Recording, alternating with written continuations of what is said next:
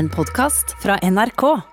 NRK P2. Linn Ullmann har bakgrunn som journalist og er i dag en av Nordens fremste forfattere. Hun har gitt ut seks prisbelønte og kritikerroste romaner som er gitt ut på 20 språk. Nå skriver hun på sin syvende. I podkasten How to Proceed intervjuer hun internasjonale forfattere om hvordan fortsette å skrive i en verden der mye er snudd på hodet. Selv har hun nylig lært seg å stå på hodet. Dette er Drivkraft med Vegard Larsen i NRK P2. Hjertelig velkommen. Sånn, da var min mikrofon på også. Linn Ullmann, veldig velkommen til Drivkraft. Veldig hyggelig å ha deg her. Tusen takk, det er veldig hyggelig å være her. Hvordan, hvordan har du det? Du sa for ett sekund siden eller sånn, ett sekund er, Det er ikke sant, men du sa rett før vi gikk på, så sa du egentlig er det en sorgens dag i dag. Ja, det er, det er, det er jo mørke tider. Så sånn, hvordan har du det? Det krever jo Kanskje man skulle lage Kanskje du skulle lage et radioprogram som heter 'Hvordan har du det?' Og så, og så kan folk svare sånn helt ordentlig på det. Ja. Um, men akkurat i dag så Så jeg våkna i natt klokka fire. Jeg hadde bestemt meg for å ikke se på den på debatten i USA Debatten, mellom Biden og Trump. ja. Fordi at eh, da Fordi at det er, det er for opprivende. Men så våkna jeg klokken fire, og så begynte jeg å se lite grann på Da var den jo fortsatt i gang, men jeg begynte å liksom se litt og lese litt meldinger og alt sånn. Og, og konklusjonen er vel at altså, den er, det er jo Demokratiet er jo trua. Altså, eh, den kalles jo og det ser man jo hvis man bare ser litt på den. Altså den verste debatten Noensinne. noensinne. Ja. Eh, og det er sånn eh, Trump er en sånn Han er jo en sånn klassisk mobber. Han er jo en klassisk sånn bully som og, når vi tenker på sånn high school-filmer, eh, amerikanske high school-filmer, så er det alltid en eller annen som kommer i løpet av filmen og bare tar den bullyen. Altså bare si, ikke sant? Og så, og, og så blir den mobberen bare flata ut. Han, han, han får ikke til å mobbe mer, han får ikke til å si mer. Eh, Biden er jo foreløpig ikke den mannen som gjorde det, og Chris Wallace som, som intervjuet, klarte jo ikke det. Altså det, det er liksom sånn hele verden står og ser på. Er det noen som kan kan få han til å holde munn? Og selv det at Biden sa kan du være så snill holde, eller kan du holde kjeft, mann, det, det, det hjelper ikke. Det er ikke det. Altså, det er et eller annet Det er et eller annet som skal til for at For at han skal eh,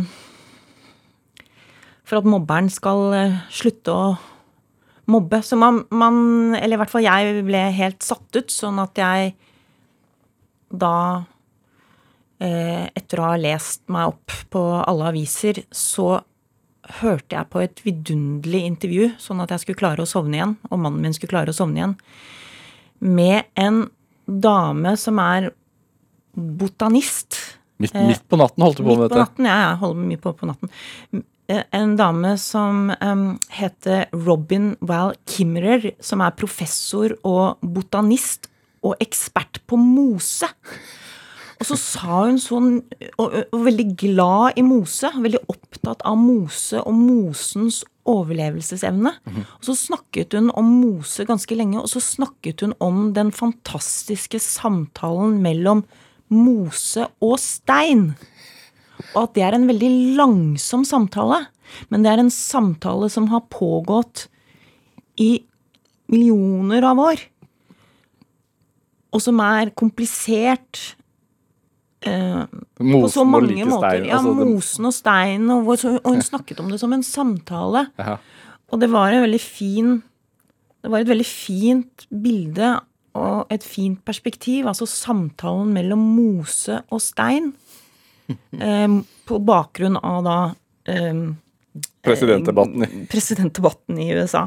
Så da sovnet jeg eh, til slutt og fikk sove en time til før det- jeg måtte opp. Er det du fortalte meg nå, Linn Ullmann, er det egentlig et sånn, litt sånn bilde av hvem du er? Altså sånn, Du våkner fire om natta eller om morgenen, klikker deg inn på masse internasjonale nettaviser, leser om nattens presidentdebatt, blir oppriktig opprørt og lei deg, sant?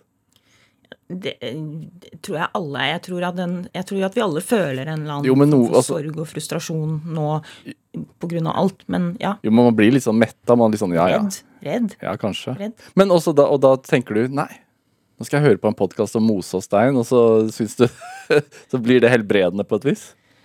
Ja, i hvert fall eh, Ja, det er, det er fint å høre på en professor, en, altså en forsker, en, en, altså en, kvinne som har brukt hele livet sitt på å forstå ja, f.eks. mose, da. Ja. Um, uh, og det, det kan jo oppleves som helende i et sekund. Og det kan også si noe om at det foregår mange samtaler på en gang. Eh, nå prøver jeg å ikke klikke meg inn på nyheter midt på natta, men i natt gjorde jeg det, da. Fordi Det var den første bare- debatten. Da får jeg, ja, da får jeg jo bare angst. Og det og du er jo altså Du er jo du er, du er litt amerikaner. Sånn, du er jo ikke det, men eh, du, du, du føler nært, et nært forhold til USA. Det, det gjør jeg fordi jeg har vokst opp der. Ja. Eh, gått på skole der, studert der. Eh, har mange venner der. Har familie der. Eh, moren min bor der eh, i st- store deler av, av, av livet. Så, så jeg føl, følger godt med, i hvert fall på, på, på hva som skjer der. Men det tror jeg, det tror jeg de fleste av oss gjør. Altså det, Ja. det har en stor betydning for, for oss alle hva som skjer nå med, med valget, f.eks. Hva sier dine venner der borte om det som skjer? Du, du snakker jo med eh, hva skal man si, en, en del tenkere, en del intellektuelle forfattere.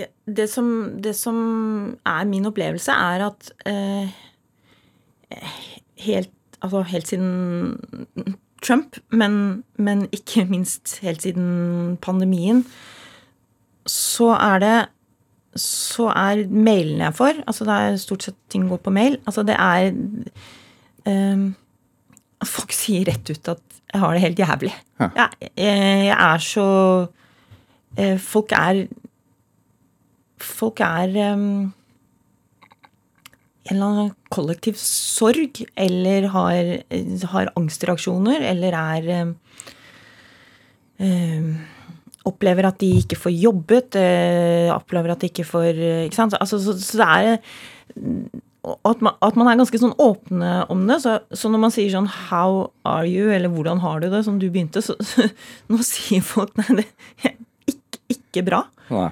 Det som vanligvis har bare vært en sånn ekstremt typisk sånn høflighetsfrase i USA, sånn 'hei, hvordan har du det?' Det er bare, det er som å si 'hei', bare. Ja. Ja, men nå svarer man faktisk at 'jeg har det ikke så bra'.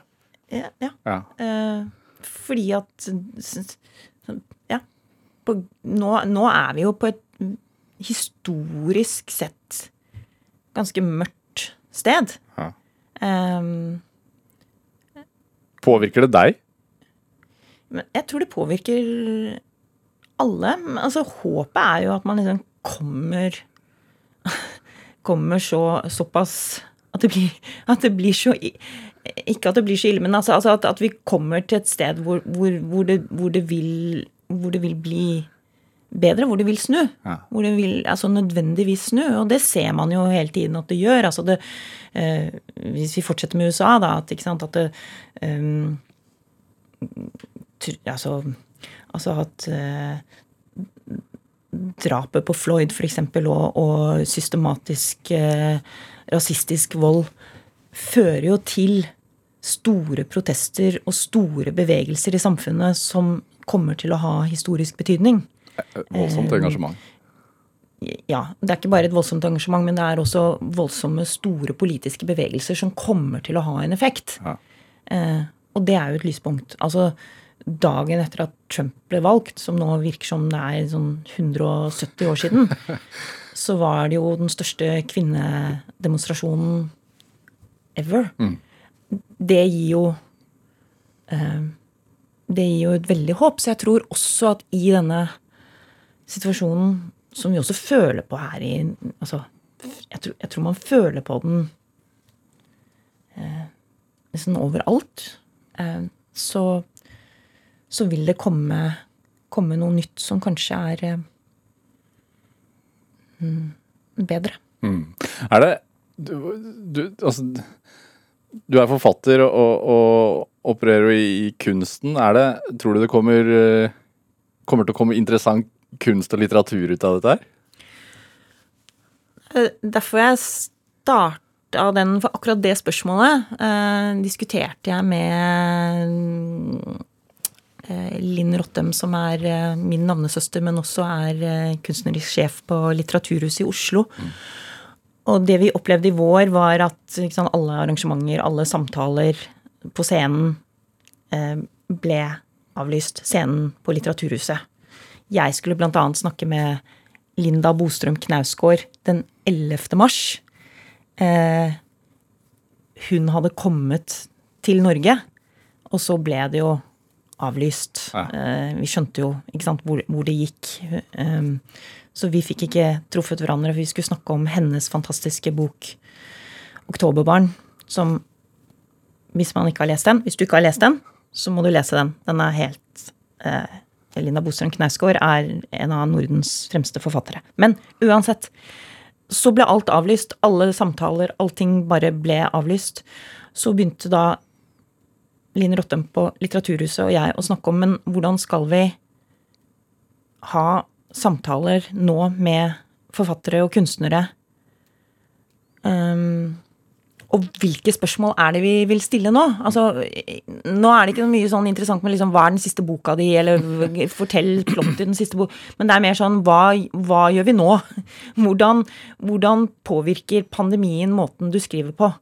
Eh, jeg vet at jeg ble helt satt ut av, av at det kom en pandemi. Mm. sist gang det var en så stor pandemi, var jo for over 100 år siden, altså i 1918 det året faren min ble født. Um, så um, jeg klarte ikke å skrive plutselig den boken som jeg holdt på med. og For, Det fordi at det handlet om Det var for mye altså. distraksjon.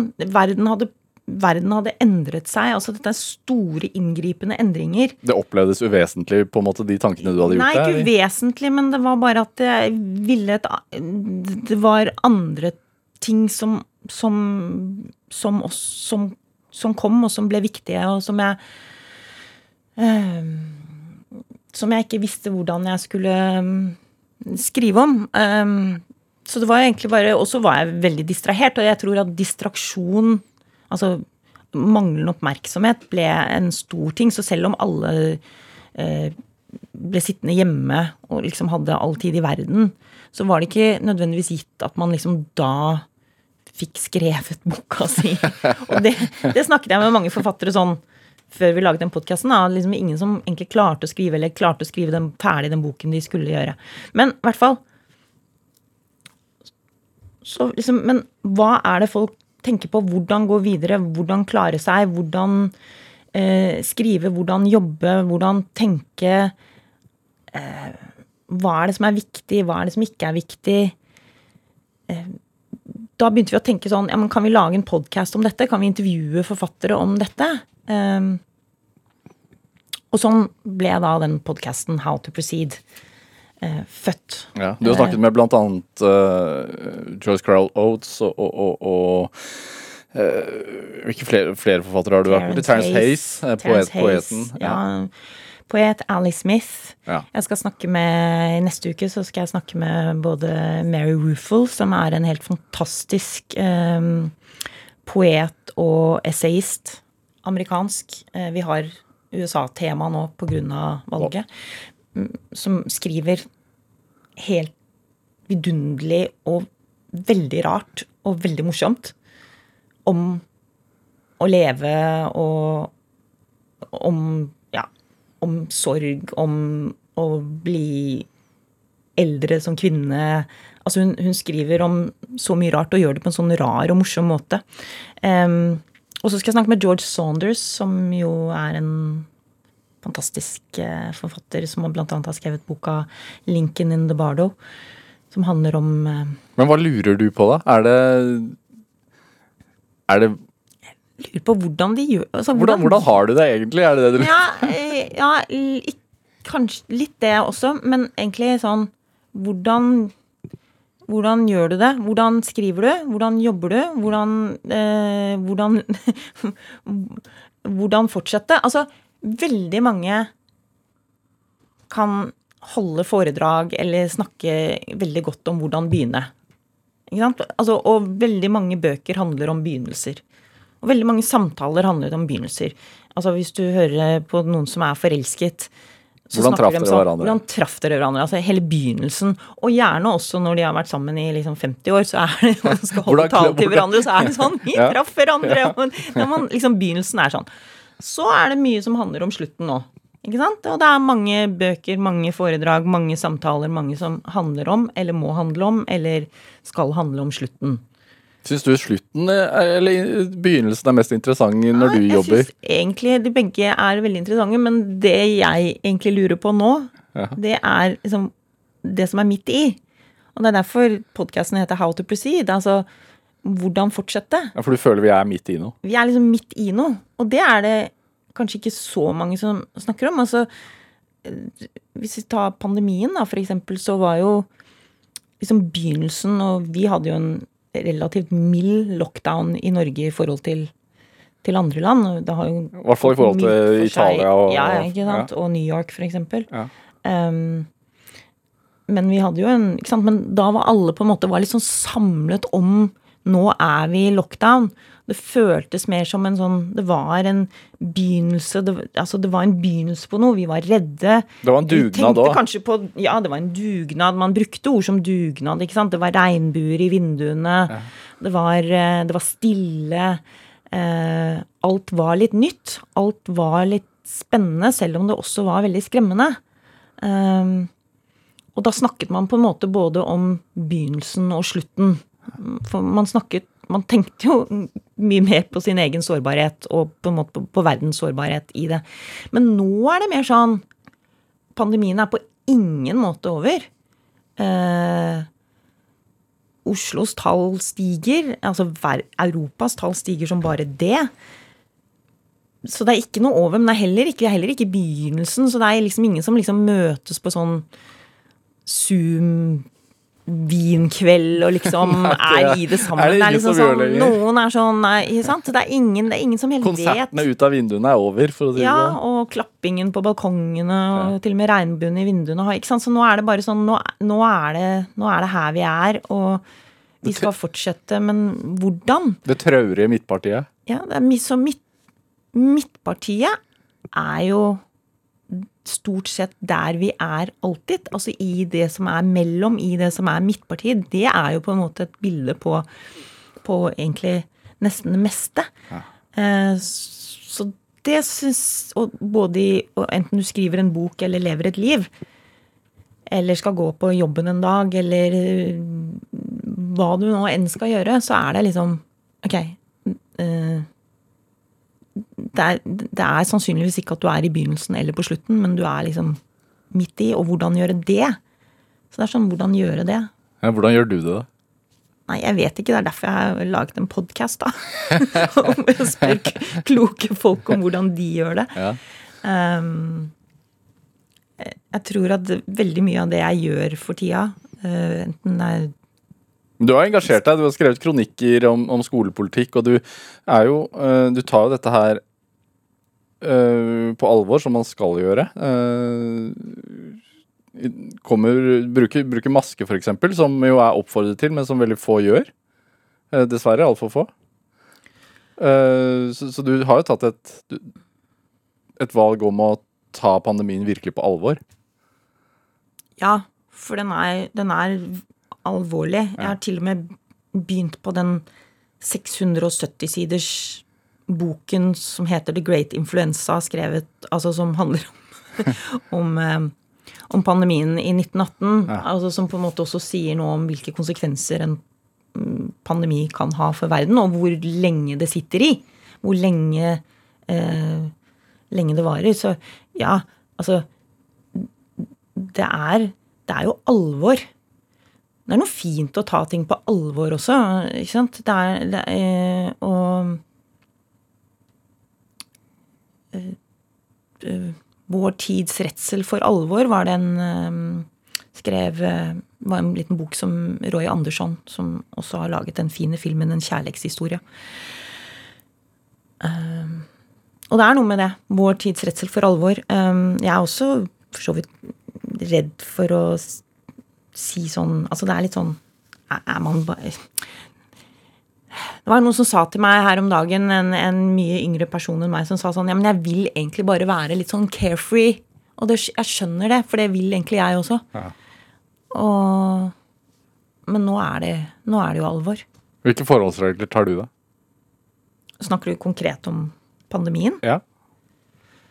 Altså, hvordan påvirker det hverdagen din i forhold til tidligere? Altså sånn uh, Nei, så Har du sluttet å se folk, eh, eller er det Jeg hører jo til de som er eh, veldig forsiktige. Ja.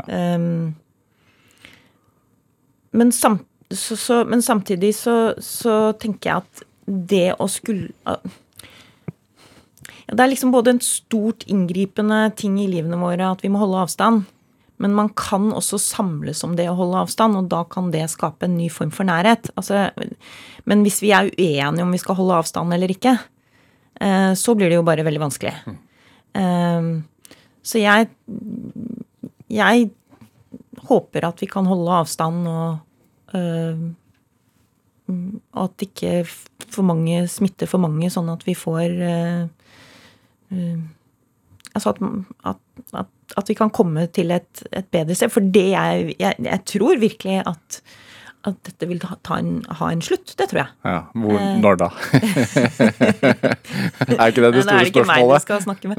Uh, men det tror, jeg, det tror, jeg, ingen vet. Men jeg tror at det får en slutt, og jeg tror at den kommer kanskje um, Ja. Nei, det, det skal ikke jeg spekulere i. Dette er Drivkraft med Vegard Larsen i NRK P2. Og i dag har jeg forfatter Linn Ullmann her hos meg i Drivkraft på NRK P2. Altså en ting som Jeg vet ikke om det var pandemiens skyld, men, men på et eller annet tidspunkt så begynte du å gå rundt i parken rett der du Altså i nærområdet der du bor på Torshov i Oslo. Telle trær. Henge opp dikt på trær.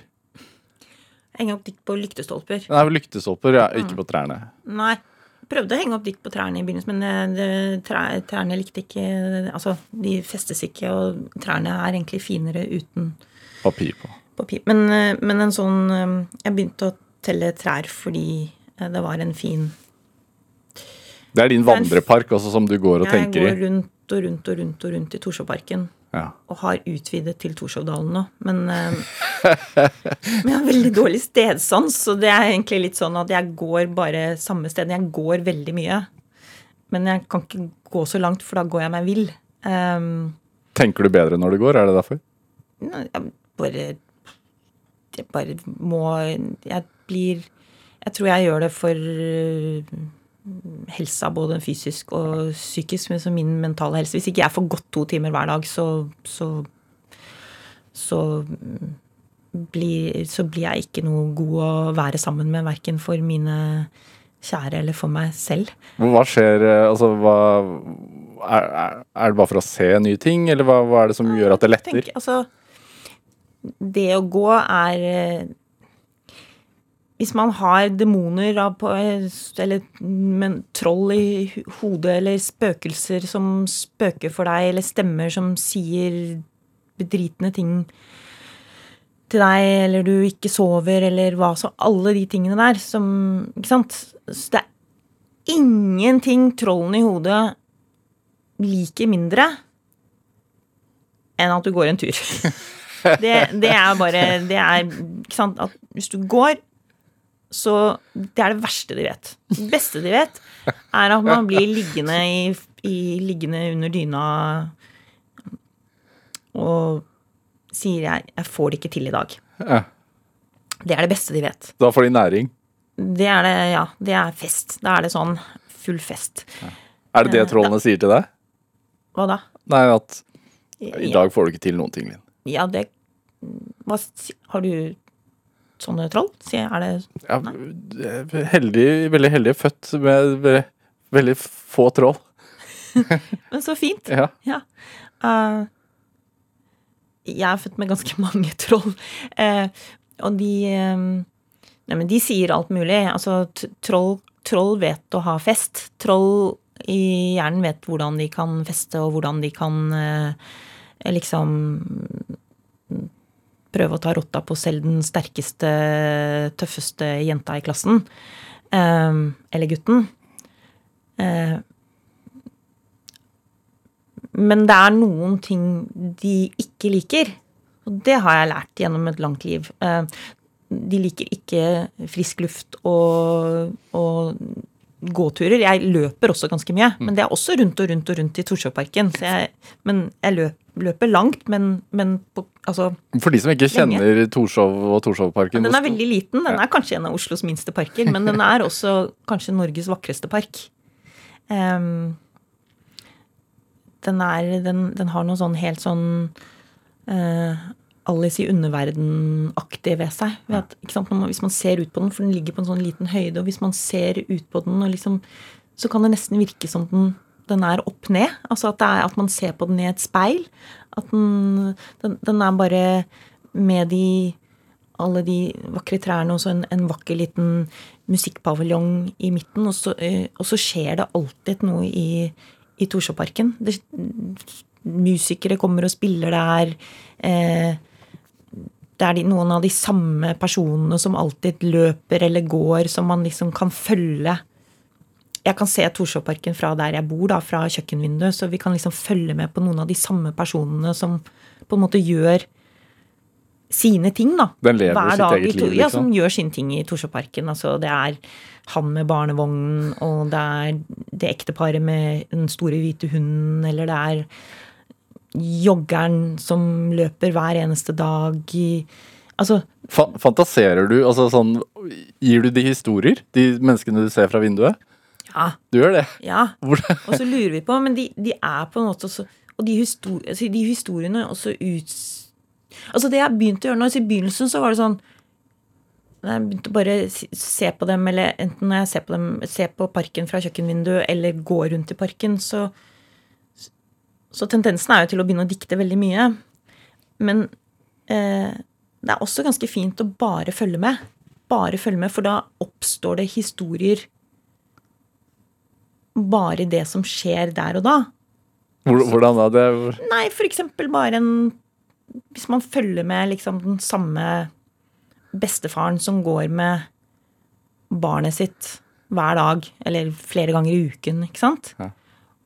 Og så setter barnet seg ned på bakken, og så snur han seg, og så sier du? Så skjønner man han sier 'nå må du komme her, jeg kan ikke vente', ikke? Og så, og så kan man jo stå og følge med på en sånn situasjon mellom en bestefar og et litt sinna barn som ikke vil gå videre, og hvordan skal Hvem er det som vinner den kampen, og hvordan er det dette blir, og mister han tålmodigheten? Nei, han, han jeg snakker om nå, mister aldri tålmodigheten. Og det, det, er bare, det er liksom, det er et helt stort drama som pågår ja. hvis man bare hvis man bare følger Hvis med man ser hvis man bare følger med på det og, og egentlig ikke dikter så mye, så, så kommer historien eh, litt av seg selv. Koser du deg da? Når du ser sånne ting? Altså sånn, Ikke nødvendigvis akkurat en sånn situasjon, men sånn kan du, sånn Kommer du hjem da, så sånn forteller du mannen din hva du har sett, og så er det Ja, det gjør jeg. Ja. Altså, vi, vi, vi snakker Altså um, det, det, det gjør både han og jeg.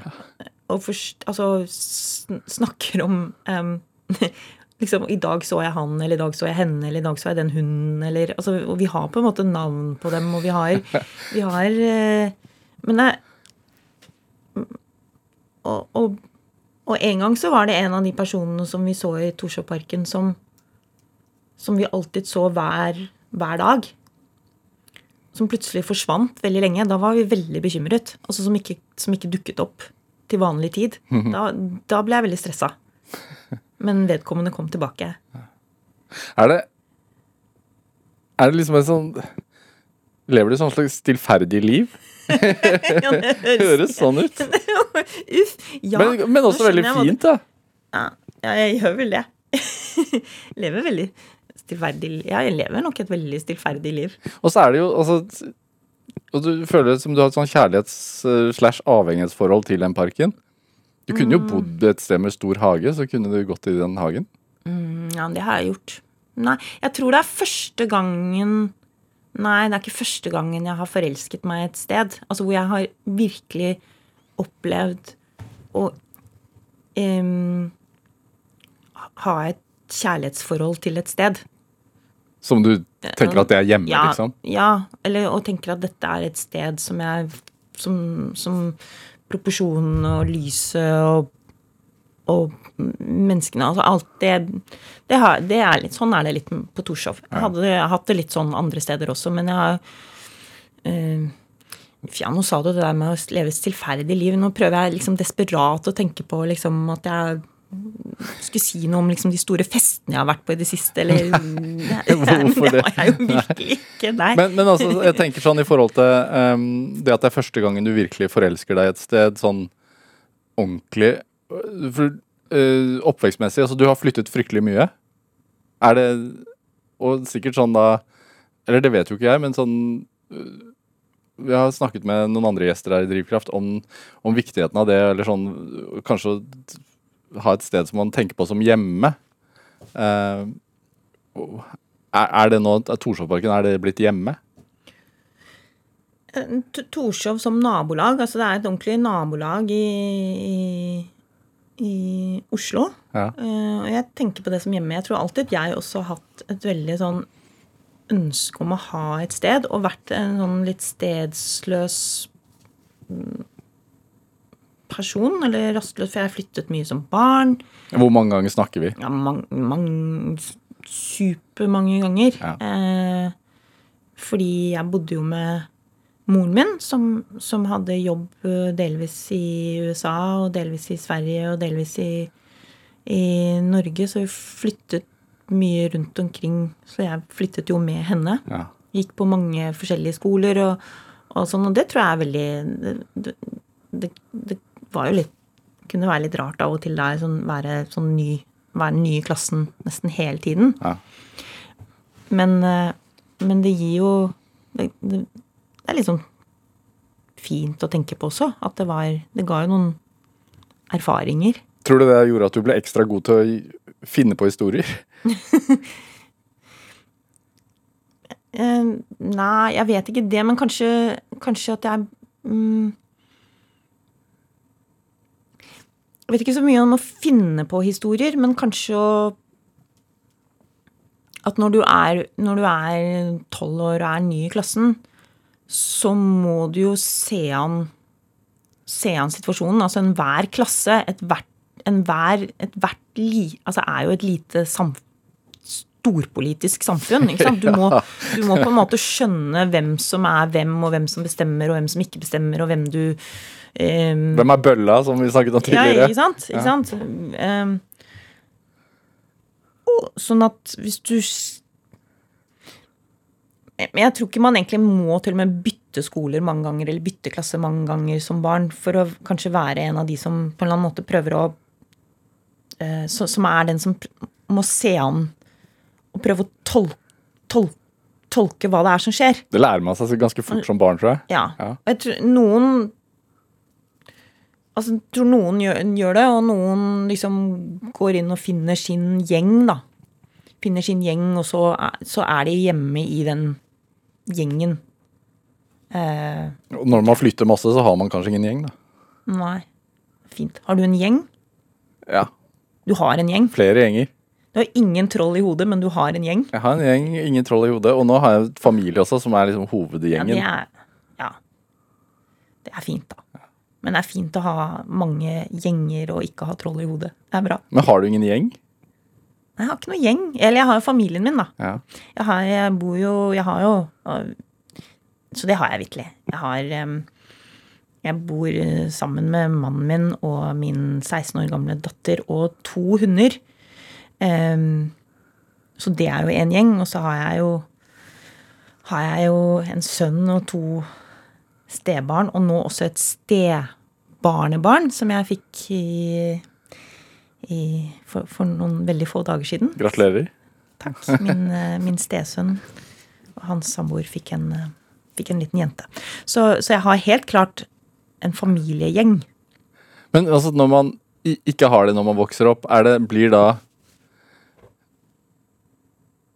Har litteraturen blitt din gjeng, liksom? Er det opp igjennom? Eller filmene, eller historiene, eller Mm. Nei, altså, altså, kunsten, litt- altså, liksom? Alle de tingene Å lese og liksom musikk, eh, film, kunst Alt det du sa nå, Ja. og mer til. Det, ble jo ikke en gjeng, men det ble absolutt Det ble, ble kanskje et hjem, eller det ble et sted å være. Det ble et sted å um, forst- eh,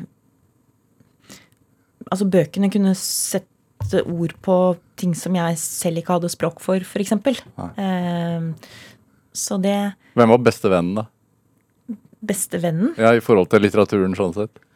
Hvilke bøker jeg likte. Ja, som, Jeg tenkte ikke Nei, men jeg, jeg tror ikke jeg tenker på bøker som venner. Mer som steder.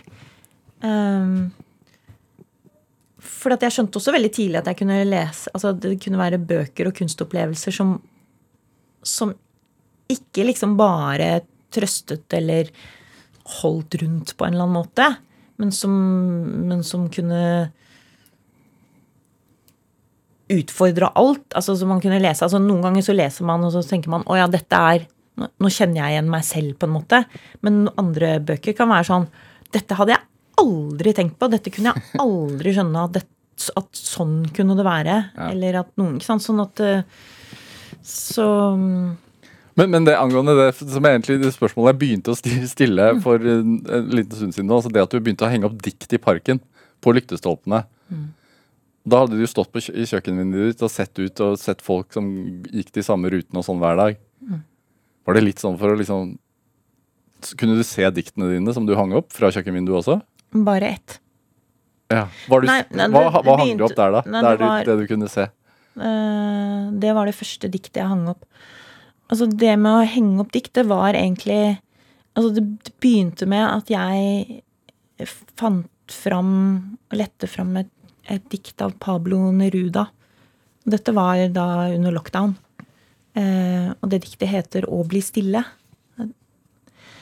Eh, og så oversatte jeg det litt sammen med mannen min. Altså, og det var veldig fint å sitte og oversette og gjendikte, fordi at da hadde jeg hatt en eh, Som andre, da hadde jeg bare sittet og liksom klikket meg inn på VG og Smittetallene steg, og- Ja, ikke sant. Bare sittet og bare oppdatert, oppdatert, oppdatert. Sånn at hjernen min var en sånn eh, eh, Liksom helt Altså, jeg hadde en oppmerksomhet på linje med en, liksom en liten gullfisk. Og da var det fint å oversette et dikt. Og faktisk sitte i flere timer og bare oversette det diktet. Og så syns jeg at oversettelsen ble veldig fin. Men så er jeg ikke på sosiale medier. Nå er du det.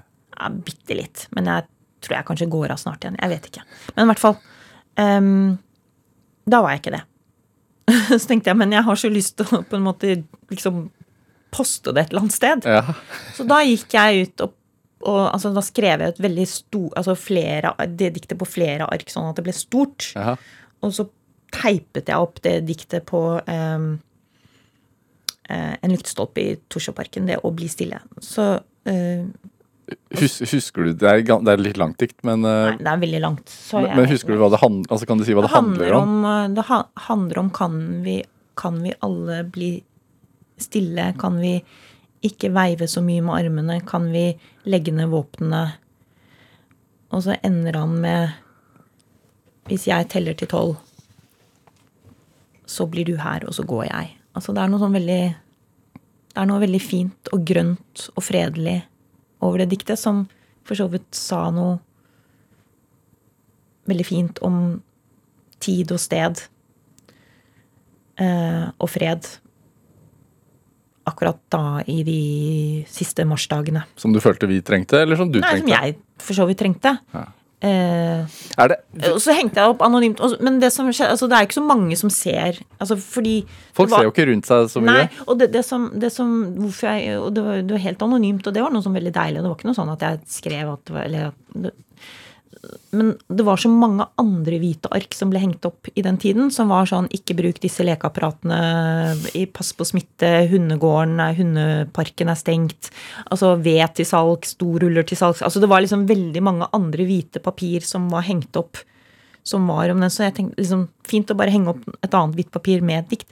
Men så syns jeg det var så fint å oversette og henge opp dikt, så jeg eh, gjorde det en gang til, og så gjorde jeg det en gang til, og så fant jeg flere tekster, og så, og så ble det til slutt liksom 28 tekster eller noe sånt som jeg hang opp rundt omkring på lyktestolper i Torsjåparken. Ja. Eh, nå forsvinner de ganske raskt med Været. Så nå driver jeg og dokumenterer at de, altså dokumenterer de som forsvinner. Eh, i, og tar bilde, tar bilde av, av at de er borte. Altså noen forsvinner med været, noen forsvinner fordi noen river dem bort. Eh, noen forsvinner eh, Så jeg har funnet liksom deler av dikt. Noen revner. Så nå har jeg liksom tatt bilde av Hvilken symbolikk ser du i de, da? I Nei, det? ikke noe symbolikk. Det bare er det det er. Ja. Og det er det som er fint. Det er på en måte um... Men sto du da i kjøkkenvinduet og så Altså, fordi Hvis du kunne se det første diktet du hang opp Gikk du hjem da, og så Ja, så, så kilte det i veldig- magen, og så sto du og så Er det noe som stopper opp? Mm, Ja, kan, ja, jeg, Jo, det ja, tror jeg du gjorde. litt, men så var det ingen som stoppet Det opp. var- For det er veldig få som, som Ikke sant. Men så noen Etter noen dager så var det plutselig at eh, datteren min ropte 'Mamma, du har en leser'. Og så var det noen som faktisk sto og leste hele det der Neruda-diktet. Og det var kjempefint.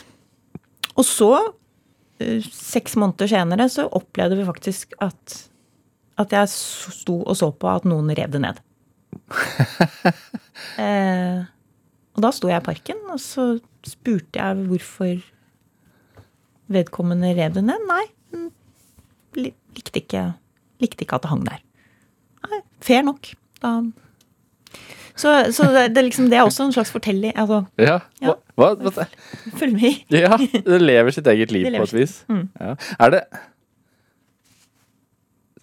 Og og Jeg ser jo at du har postet uh, på Instagram. Du har, har ikke lagt ut mange bilder, men du har lagt ut diktene, og så har du lagt ut uh, at uh, plakater blir hengende over.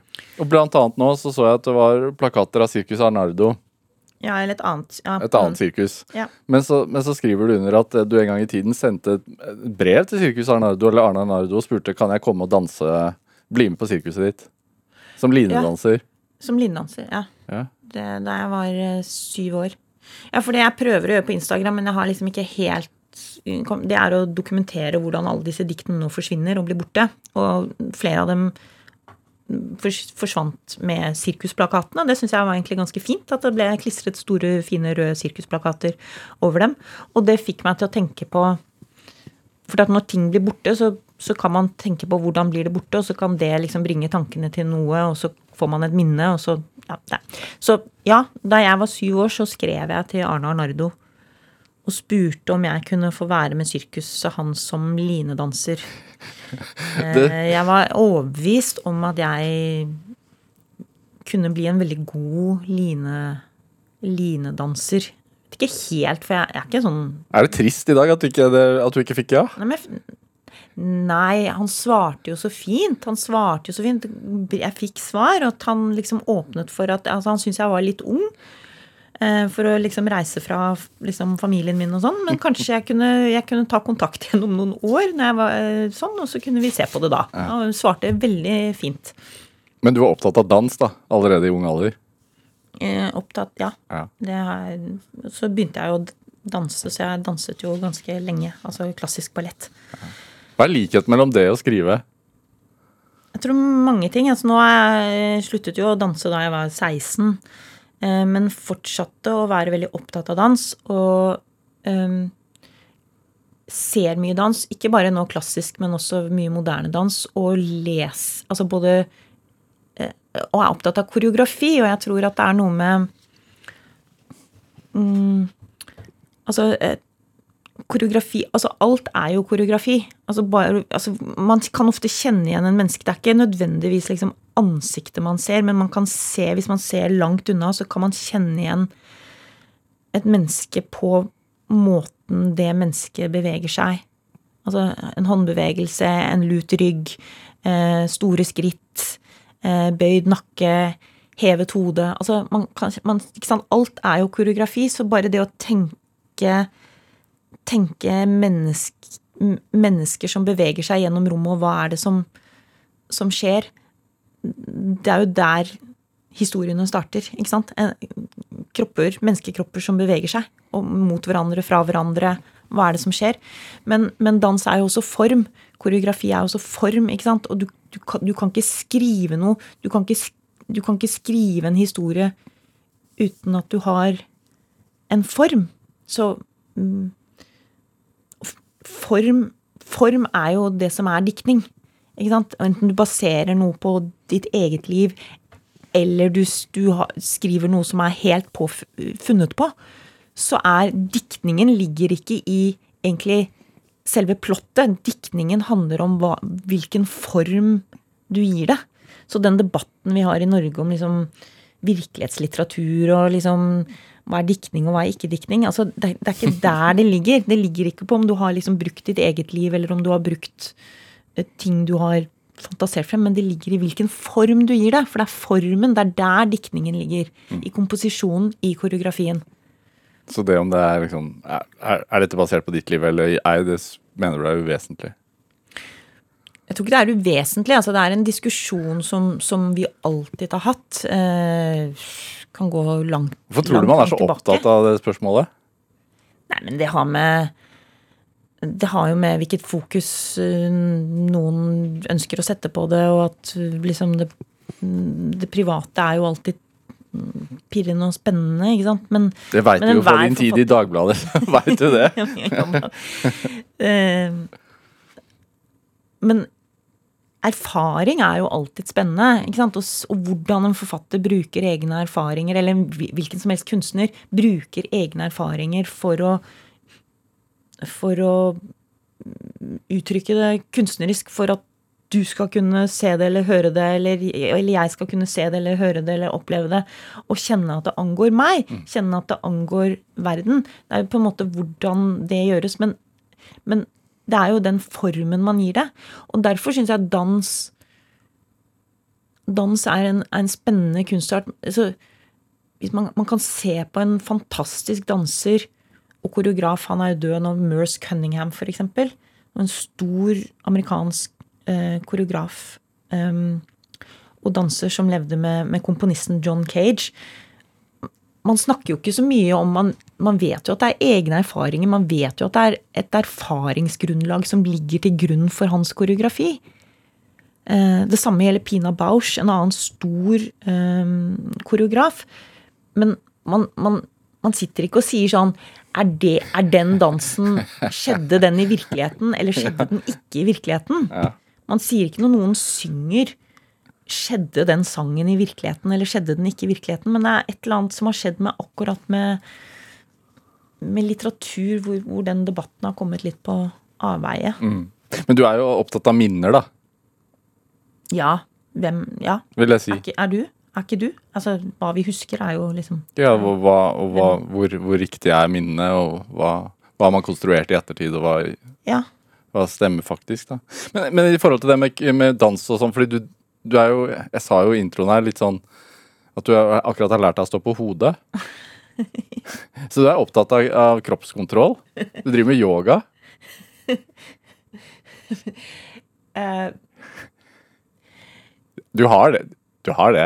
Lært deg å stå på hodet? Jeg kan, jeg kan stå på hodet. Ja. Altså, ja, altså det Akkurat som alle andre, liksom, så prøver jeg å finne måter å trene og og, og gå tur, som jeg sa, og ja. løpe, det er to ting som gjør at uh, Trollene liker heller ikke trollene, Men trollene liker heller ikke, for min del, liksom yoga, og gjerne liksom fysisk yoga. Og eh, stå på hodet. Ja, jeg har lært meg å stå på hodet. Eh, det som er fint med å stå på hodet, det er at du bokstavelig talt får et litt annet perspektiv på ting. Eh, det er noe veldig fint med, med opp-ned-perspektiv. Um, og, og også kjenne at du er i balanse når du ikke er i balanse. Men, men, eh, men trollene Definitivt. Det er kanskje noe av de verste de vet. Det Men, er men har man godt av det? Har man godt av det? Og, og, sånn eh, Og, snu Altså ikke nødvendigvis å stå rent fysisk på hodet, men å liksom prøve å se ting helt opp ned noen ganger. Det tror jeg, da. Ja. Tror du ikke det? Det, det, Se det, det, Jeg tror jo Å se ting på en annen måte er, Det tror jeg er helt avgjørende. det må vel til for å få Jeg tror det er helt forståelse, i hvert fall. avgjørende i dag altså, altså, Jeg tror det er helt avgjørende å lese, eh, lese medier som du er uenig i. Jeg tror det er helt avgjørende å liksom se ting fra så mange sider som mulig er. I forhold til det vi begynte å prate om. I forhold til demokratiet, i forhold til eh, tankefrihet, i forhold til egen, egen frihet. At halv, nesten halvparten av befolkningen i USA faktisk syns Trump er helt topp. Da må man jo prøve å forstå hvorfor. Ja, men altså, og enda skumlere at altså, veldig mange av altså, f- får, altså, Man får nyheter Man velger seg nå nyheter slik, slik man velger seg klær. Altså man velger det som passer, passer en, og det som man syns man ser fint ut. Er det uh, Du skulle jo egentlig skrevet roman, du. eh, da denne lockdown kom, som du sa, men du klarte det ikke. Jeg klarte ikke å bli ferdig, nei. Men har du påbegynt igjen? Har den endret seg? Den har endret seg. Og jeg har holder på. Hvordan har den endret seg, da? Det vet jeg ikke helt ennå. Altså, det er sånn. Nå holdt jeg nettopp et digitalt foredrag uh, forrige uke, fordi, fordi det er sånn man møter folk for tiden. På digitale ting. Men, og da skulle jeg jo egentlig kanskje holde et foredrag om hvordan jeg hadde skrevet den siste boka mi, men det ble egentlig et foredrag om hvordan jeg ikke skrev den. Eller alt jeg gjorde istedenfor å skrive. Og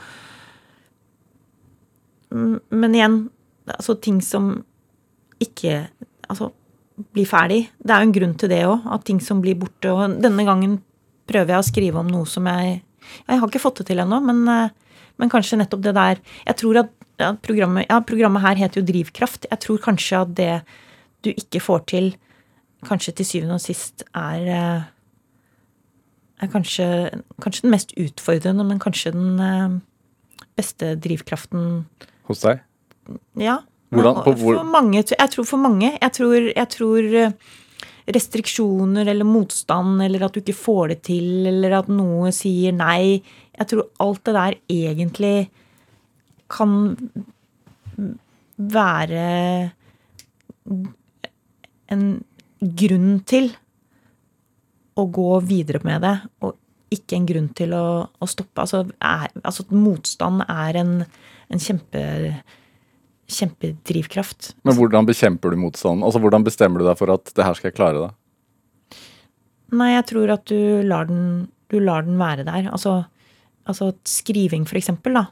Um, Istedenfor å vente på at tvilen skal gi seg, liksom å bli, bli sikkerhet, så å gi- gi seg hen til gi, gi seg hen altså gi, gi seg hen til den tvilen. Altså la den tvilen få lov til å være. Vær, la, og la en selv få være i den tvilen. La seg selv få være i den motstanden. Ja, nå er det sånn. Nå er det akkurat sånn. Jeg kan ikke, eh, og jeg kan ikke stritte imot det. Jeg må bare jeg må skrive ut fra det stedet hvor, hvor alt er usikkert og vanskelig og skummelt og febrilt og Men er det overførbart til andre, andre sider av livet enn bare skriving? Jeg tror det. På hvilken jeg måte da? Jeg håper i hvert fall det. Ja, hvordan da? I forhold til liksom situasjonen vi befinner oss nå, som vi snakket om, som er at vi befinner oss i et midtparti. Ehm, jeg, jeg tror jo det er eh, Jeg tror jo det er nettopp i sånne midtpartier at man eh, og, i, i, i en stor motstandstid hvor man, hvor, hvor, hvor, du, hvor man blir tvunget til å ta noen valg og, og gå steder som man ikke trengte å gå før. Og bare det å Hvis man er skikkelig redd, og så gjøre noe av det man er redd for Eller gjøre noe i det hele tatt på tross av redselen. Altså det tror jeg kan det, eh, det kan, det kan Av det kan det komme helt andre ting og helt nye ting og helt nye måter å tenke på. Mm. Det er kanskje det viktigste. altså Når man har, blir begrenset på en rekke måter, så må man tenke annerledes. Eh, så begrensninger er egentlig aldri feil, i hvert fall ikke i skriving. Men jeg tror kanskje ikke i livet heller. altså nå blir lagt, Det blir lagt liksom vanskeligheter og motstand og ting, så må man liksom tenke nytt. Jeg synes med, med, med Hvis vi går tilbake til pandemien, da, ja. så, så, kom det jo en undersøkelse ut at det kullet med tiendeklassinger og tredjeklasser på videregående Det var det beste, beste kullet på veldig lenge fordi at man hadde måttet man hadde, De hadde måttet vise hva de kunne på andre måter enn den tradisjonelle, trøtte eksamen, som egentlig ikke viser noe annet enn akkurat hva du liksom fikk til den dagen. Men nå måtte man tenke nytt. Hvordan skal elever faktisk få vise hva de kan, og vise hva de har lært? Eh, så gjør man det på en ny måte, og så, og så gjør elevene det bedre enn noen gang før. Får vi se om vi lærer noe av det, da. Linn Ullmann, det var det vi rakk i dag. En time går fort. Tusen takk for at du kom hit til Drivkraft. Tusen takk.